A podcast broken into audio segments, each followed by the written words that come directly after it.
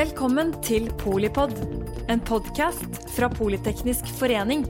Et kunnskapsbasert medlemsnettverk for bærekraftig teknologi og samfunnsutvikling. Velkommen til full sirkel av Polipod. Vi er tilbake, og dette er jo som kjent podkasten som gir overblikk og dypdykk i temaet innen sirkulærøkonomi for både mannen i gaten og den mer erfarne bransjeeksperten.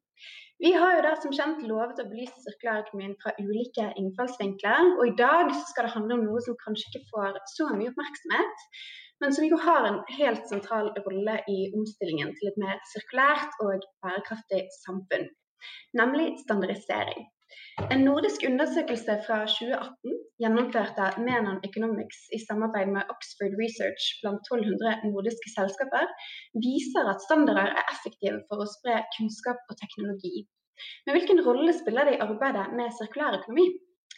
For å finne gode svar på det, så er jeg så heldig å ha med meg noen eksperter fra både næringsliv og akademia, som skal kaste litt etterlengtet lys på disse verktøyene.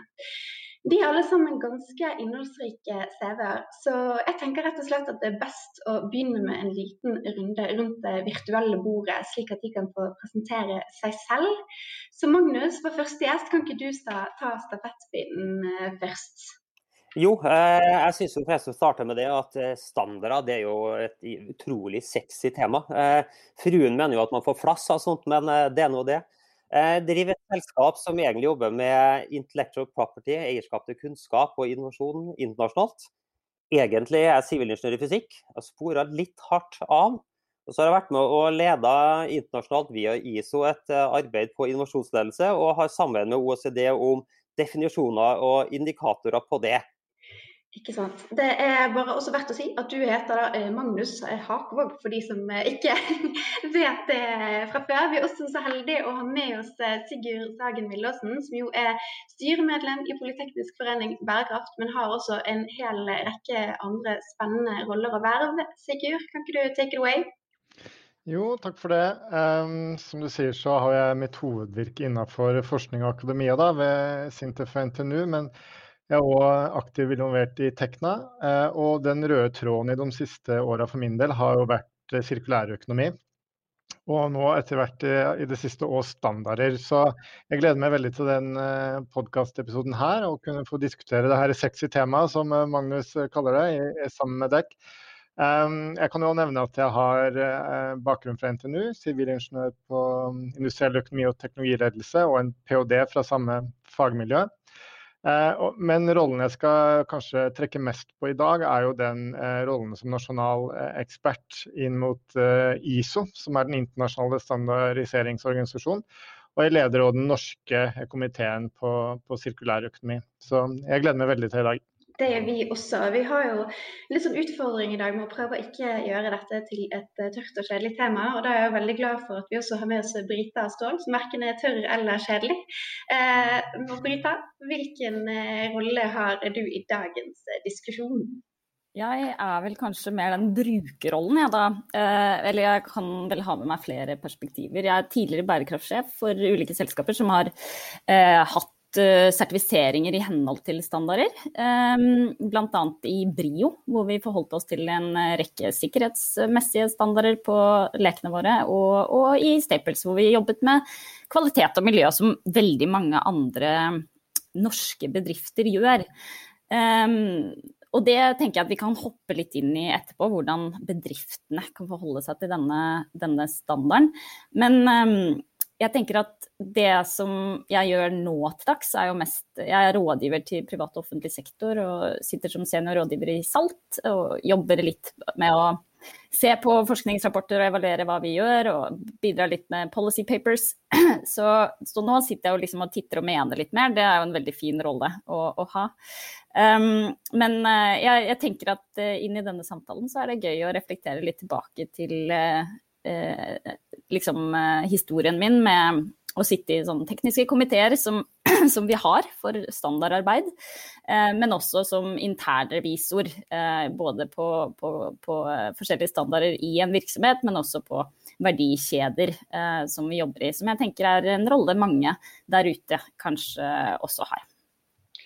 Bra. Så oppsummert så skal vi da prøve å belyse hvordan eh, det jobbes med, med standarder både på nasjonalt og internasjonalt eh, nivå eh, politisk, og ikke minst hvordan dette kan gjøres anvendbart for, for næringslivet.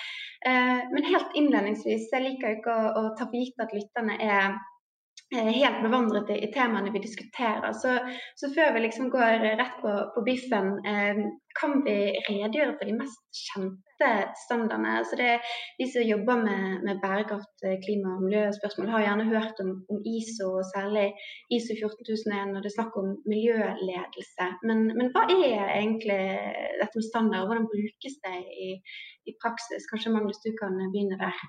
Jo, en standard er jo egentlig en avtalt måte å gjøre noe på, eller en regel eller en veiledning. Det kan gjerne være en form av dokument, hvor man har beskrevet beste praksis. og En del av formålet er å skape intraoperabilitet. Det er jo et litt sånn vanskelig fremmedord, men det handler om hvordan vi får ting til å samhandle. Så Hvis jeg sier A, så forstår du A og ikke B. Det gjør det jo litt enklere. Jeg eh, kan jo ta inn en litt sånn eh, religiøs lignelse med Babels tårn òg. Har litt mer med formålet her til standardiseringen òg.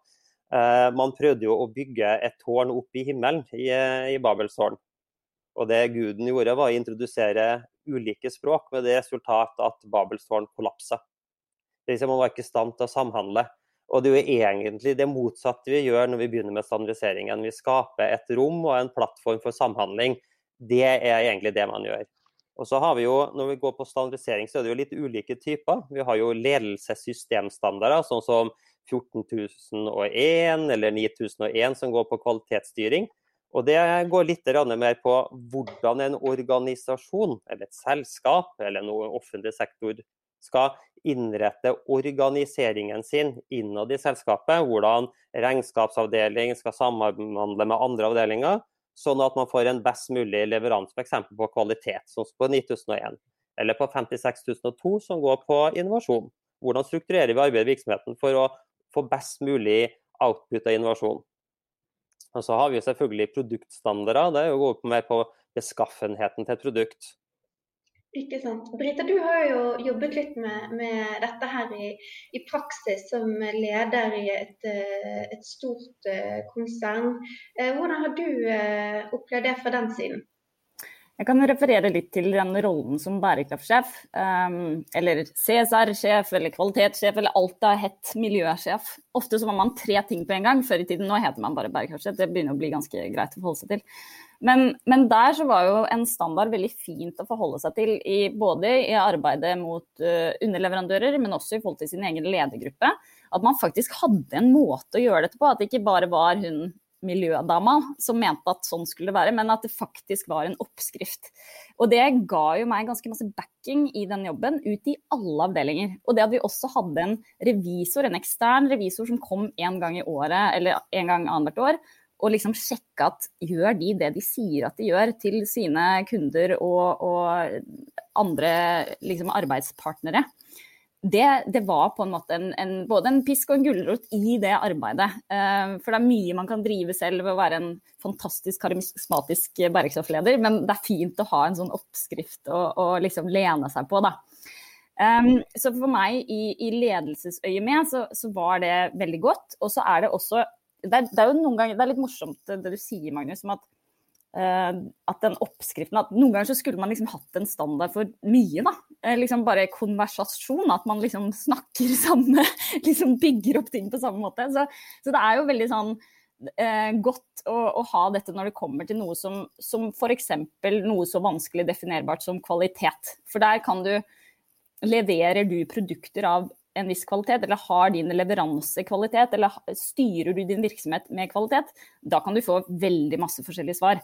Så det å liksom ha en, en standardisering på det er kjempebra. Og så har vi jo dette nå på så mye. Så alt fra en LCA til et, en arbeidsprosess til en eh, leverandørkjedekontroll har på en måte nå en oppskrift som gjør at vi, får et profesjonelt syn på hvordan dette skal, skal gjøres.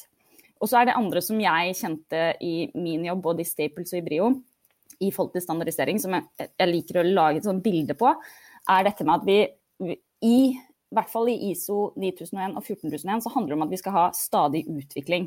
Og da virker den standardiseringen og den eksterne revisoren, kanskje hvis vi ser på det som en sånn, eh, litt sånn sjekk-opp-faktor, den virker som en faktor som kommer inn og sjekker at vi gjør det vi gjør. Vi driver og ruller en stein oppover et fjell. Revisoren kommer, sier at yes, dere har bevist for meg at dere gjør det dere sier at dere skal gjøre.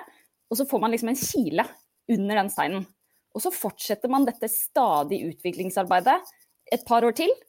Får en ny revisjon, kanskje man får noen tilbakemeldinger, noe man må gjøre bedre. Men man får til slutt en kile, og så fortsetter det stadige utviklingsarbeidet uten at den bare vil bytte leder eller bytte system eller bytter ERP-system, så ruller liksom hele den steinen tilbake ned. Så, så sånn sett så syns jeg dette er en veldig bra liksom, arbeidsmal, som Magnus var inne på.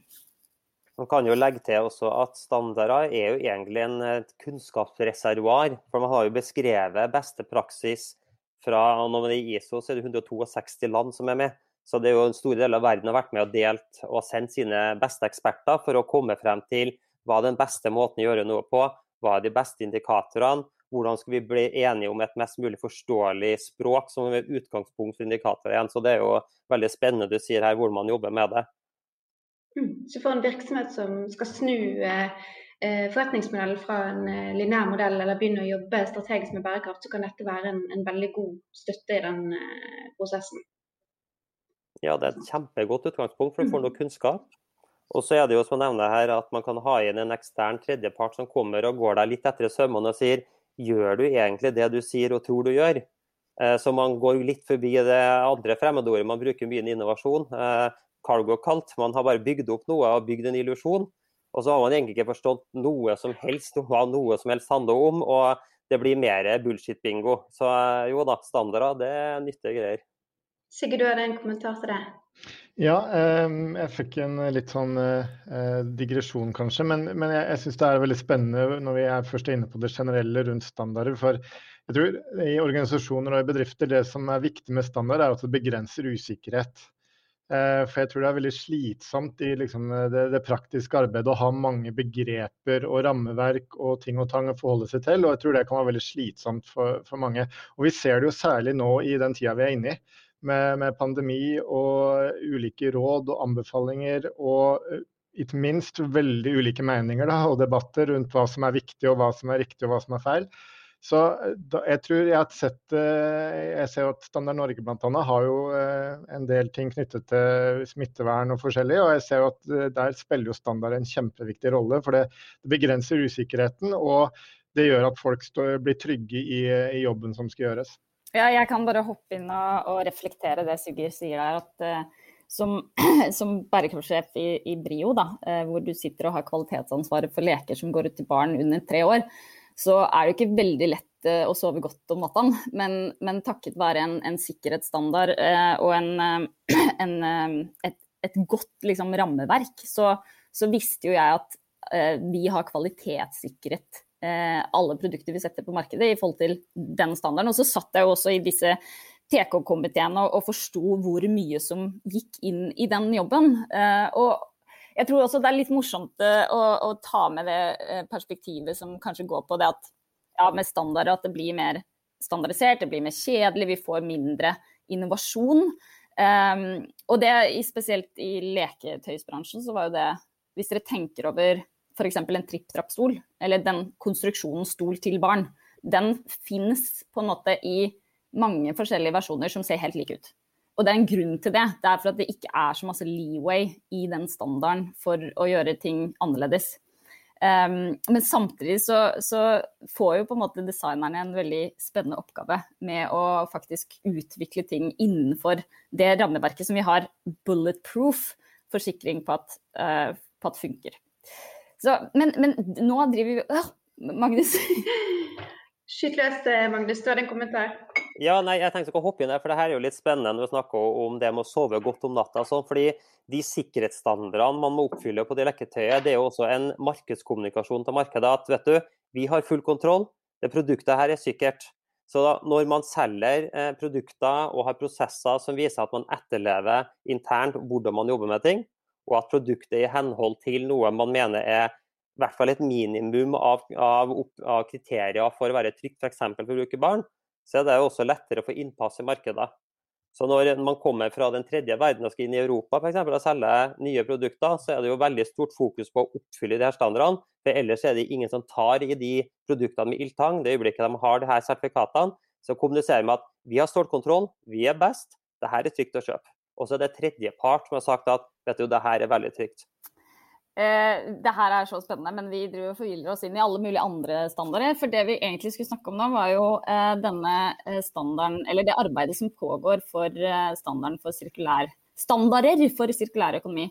Og der er det nå over 400 eksperter fra 81 land og en rekke internasjonale organisasjoner som deltar.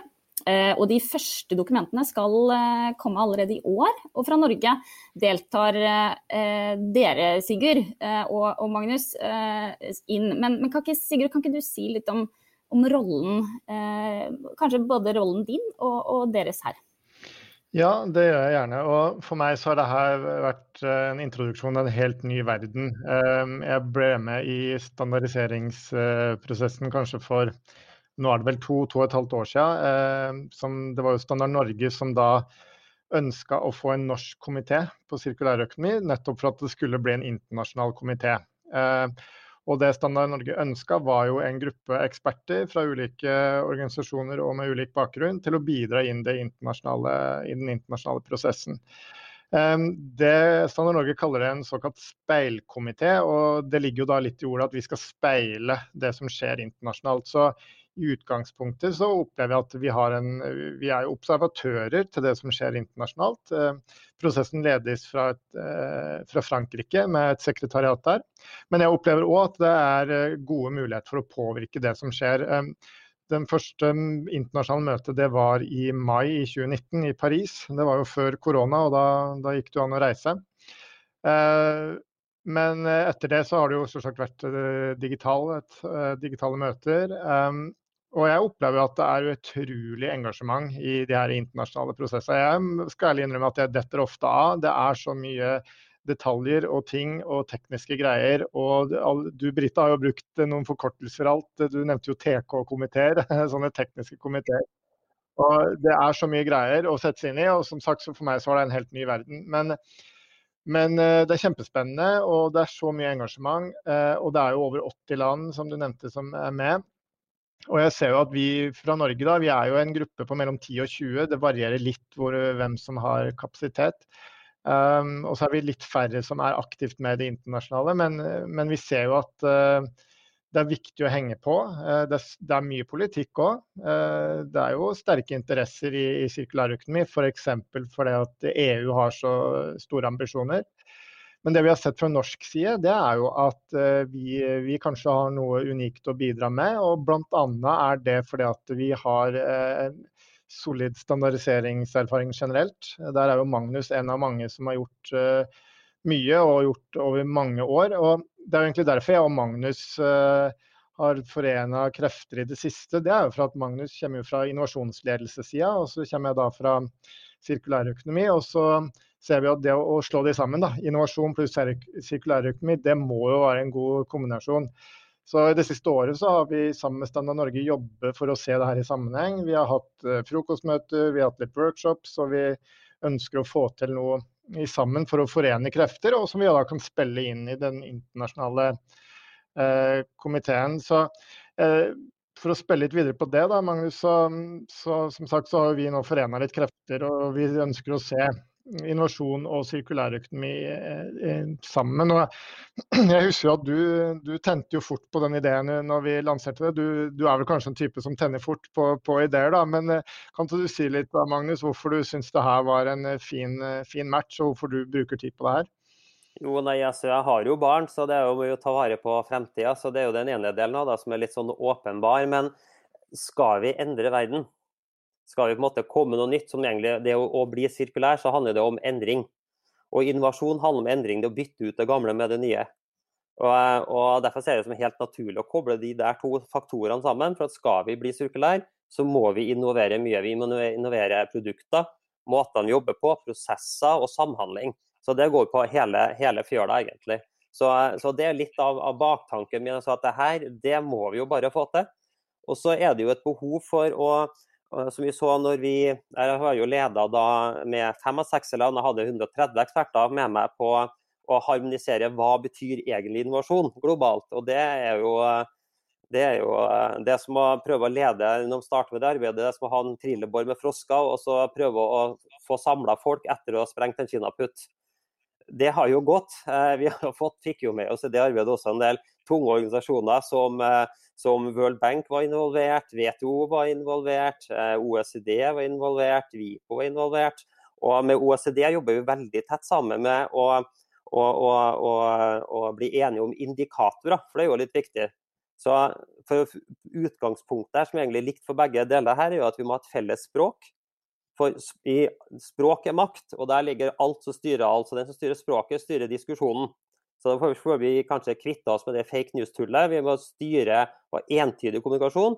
Og så må vi ta tak i å ha veldig tydelige indikatorer, sånn at vi får vist effektene av det vi holder på med.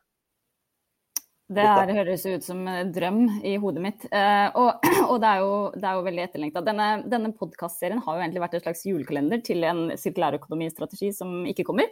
Eh, så vi er på godt, på godt, overtid med den jula. Men, men, det er jo derfor det er litt interessant å snakke med dere om denne ISO-standarden, og det at vi snakker samme språk, og at vi kanskje også forholder oss til samme indikatorer. Så det er jo liksom disse standardene som Europakommisjonen eh, vil vise til som verktøy når implementeringen av New Green Deal iverksettes eh, for fullt. Og du Sigurd har ment litt om at eh, du håper norske myndigheter vil gjøre det samme. Men, men hva er inntrykket og forventningene så langt? Ja, eh, det er jo sikkert mange måter å reflektere rundt det på på den ene sida er det jo det du peker på, da, Brita, altså at den norske strategien for sirkulærøkonomi den drøyer ut i det vide og det breie. Og vi er mange som er spente på hva som faktisk popper ut av den prosessen fra, det, fra politisk hold. På den andre sida så må jeg si jeg har gjort, har en spennende erfaring i løpet av de siste to ukene. Jeg jobba eh, en del i dybden med EUs taksonomi eh, for bærekraftige aktiviteter. og Det, er jo, eh, det er jo, henger sammen den Green Deal-pakka som du, du, nevnte. og som sikkert mange som hører på den podkasten her, så var jo EUs taksonomi noe jeg hadde visste var viktig, og det har jo vært tema i podkasten før. og jeg liksom hadde skrapt litt i overflaten på hva, hva det var. Men jeg brukte som sagt en god del eh, timer på det her for å sette meg inn i hva, hva er det egentlig. Eh, og, og, Det finnes noen Excel-ark og det finnes noen dokumenter her som er veldig tekniske. Eh, egentlig litt på samme måte som standardverden. Og det jeg ser er at det, jo, det er jo veldig interessant det som den eh, taksonomien legger opp til. For det er jo virkelig eh, et, si, både et begrepsapparat og, og sta, eh, verktøy og strategier for hvordan vi skal bli mer bærekraftig. Og, og en av kategoriene som EU bruker, er jo nettopp sirkulærøkonomi. Men så langt så fokuserer jo den taksonomien på det, det, som går på klima. Både klima, det å eh, hindre klimapåvirkning, men òg det å tilpasse seg klimaendringer. Men det som går på sirkulærøkonomi, det er fortsatt litt sånn black box. Det er litt sånn tomt. Og det er mange som er spent på mm. hvordan eh, EU-kommisjonen skal legge opp den prosessen for å utvikle innhold til den, den svarte boksen knytta til sirkulærøkonomi. Og der ser jeg en kobling. For her jobber jo nå ISO internasjonalt eh, for å lage standarder på hva er sirkulærøkonomi, hva slags verktøy trenger vi, og hvordan skal bedrifter gå fram. Og jeg vil jo tippe at EU kjenner sin besøkelsestid og da klarer å koble og bygge på det som ISO legger grunnlaget for i, Eh, når eh, taksonomien skal gå inn, i, eh, inn på sirkulærøkonomi. Og da må jeg si jeg håper at og norske myndigheter kjenner sin besøkelsestid og, og, tar det her videre. Og jeg tror uansett at det som kommer fra EU når det gjelder Green Deal og taksonomi og sånn, det vil uansett påvirke Norge i kjempestor grad. Og vi ser jo at det er egentlig uavhengig av hva politikere gjør, så ser vi at det er veldig mange aktører kanskje nesten paradoksalt nok innenfor finans, som kaster seg over det her og begynner å implementere. Så ja, så Vi kan jo liksom alltids klage på politikere, da, men jeg, jeg, må jo si at det skjer veldig mye nå. og Når vi har både aktører sånn som ISO, EU og flere som kanskje da forener krefter, så må jeg si jeg er, jeg er mer positiv nå enn jeg var, var, før jul. så Veldig spent på hva, hva våren vil vise oss der. Det bringer meg litt inn i, i det siste spørsmålet her, Sigurd. For du har jo skrevet at det er ikke før vi internasjonalt blir enige om hva som menes med sirkulær at vi får fart på den sirkulære forandringen vi strever mot. Det skrev du i en artikkel som du publiserte sammen med medforfattere i, i Standard Norge. Men så har vi tid til å vente på å få en felles eh, definisjon. Og, og hvis du bare kjapt kan si litt om hva som er faren med et mangfold av definisjoner. Ja, eh, jeg syns det er et godt spørsmål. Og det er klart, har vi tid? Eh, jeg tenker vel at vi, Det er iallfall ingen vits å vente på at ISO skal publisere dokumentene sine, for det kan ta tid. Eh, og som sagt, det har jo blitt innført i den verden her nå, og det er veldig omstendelig og det er mye greier. Så det tar sikkert altfor lang tid, det. da. Men det vil, nok, det vil uansett komme. Og fram til da så er det kanskje vi kan spille litt på det som det som Magnus har gjort da, innenfor innovasjonsledelse. og Eh, for innovasjon er jo en viktig del av prosessen for å bli mer sirkulære. Så, og jeg, her ser jeg jo et paradoks, jeg er litt usikker på hva du tenker om det, Magnus. Men det her at det er ulike definisjoner på ting, det har jo åpenbare ulemper. Du nevnte jo det med eh, Babelstårn og sånn. Men, men, er det ikke litt en viktig del av innovasjon at du nettopp har meningsbrytning, og at ulike aktører kaster inn ulike eh, tolkninger og forståelser og, og, definisjoner? Hva tenker du om det, Magnus? Det er jo en viktig del av innovasjonsprosessen, det òg? Ja, nei, jeg kan jo ta tak i, Hvis vi skal være kreative og samhandle, så er jo en vesentlig faktor at vi er i stand til å kommunisere og forstå det samme. Ellers driver vi bare med miskommunikasjon og kjekling, og så er vi egentlig enige. Vi hadde et eksempel fra faktisk den europeiske prosessen på innovasjonsledelse, hvor folk krangla ganske mye, hvor jeg til slutt bare tok timeout. Folkens, og Så gikk jeg rundt bordet og forklarte hva alle hadde sagt, og hva alle var enig i. Det var jo egentlig diskusjonen død. Så sa jeg kan vi være sånn starte med terminologien nå? Det var før vi begynte i ISO, og så begynte vi med terminologien. Jeg kan ta med en annen faktor rundt eh, verdien av standardisering som egentlig noe som er miljøvennlig i seg selv. Vi har jo hatt i Norge fryktelig mange ulike busselskap, og alle fylker har hatt ulike standarder. Dvs. Si at levetida og gjenbruk av busser ikke eksistert. Så har vi innført én gjeldende norm med litt mulighet for avvik på, på hvordan en buss skal utformes, altså hvilke farger og hvor høyt opp skal knappen stå på sånne banaliteter. Når det ble gjort, så åpna opp et ettermarked for å kjøpe brukte busser fra rike kommuner til litt mindre rike kommuner. Dvs. Si vi får økt levetida av et produkt og slippe å parkere fullt funksjonelle busser på et jorde. Det er ikke miljøvennlig. Så standardisering i seg selv er miljøvennlig. En annen ting vi gjorde i det arbeidet vi holdt på med, med, med innovasjonsledelse, var at vi i samarbeid med OECD, med litt, litt innspill fra kommisjonen, fikk inn at standardisering det er en innovasjonsindikator. Så, så, nå er det jo egentlig, det er jo noe norske myndigheter måler på, så her er det egentlig bare for bedrifter å hive seg rundt skal vi være gode på innovasjon, så må vi jo måles både på sirkulærbiten og bærekraft. Og så må vi begynne å se litt på standardene, for der ligger mulighetsrommet til å endre verden slår meg at dette her burde jo vært med i NRKs uh, Sløsesjokket. Så det er bare et uh, helt uh, nydelig og, og, veldig spot on eksempel.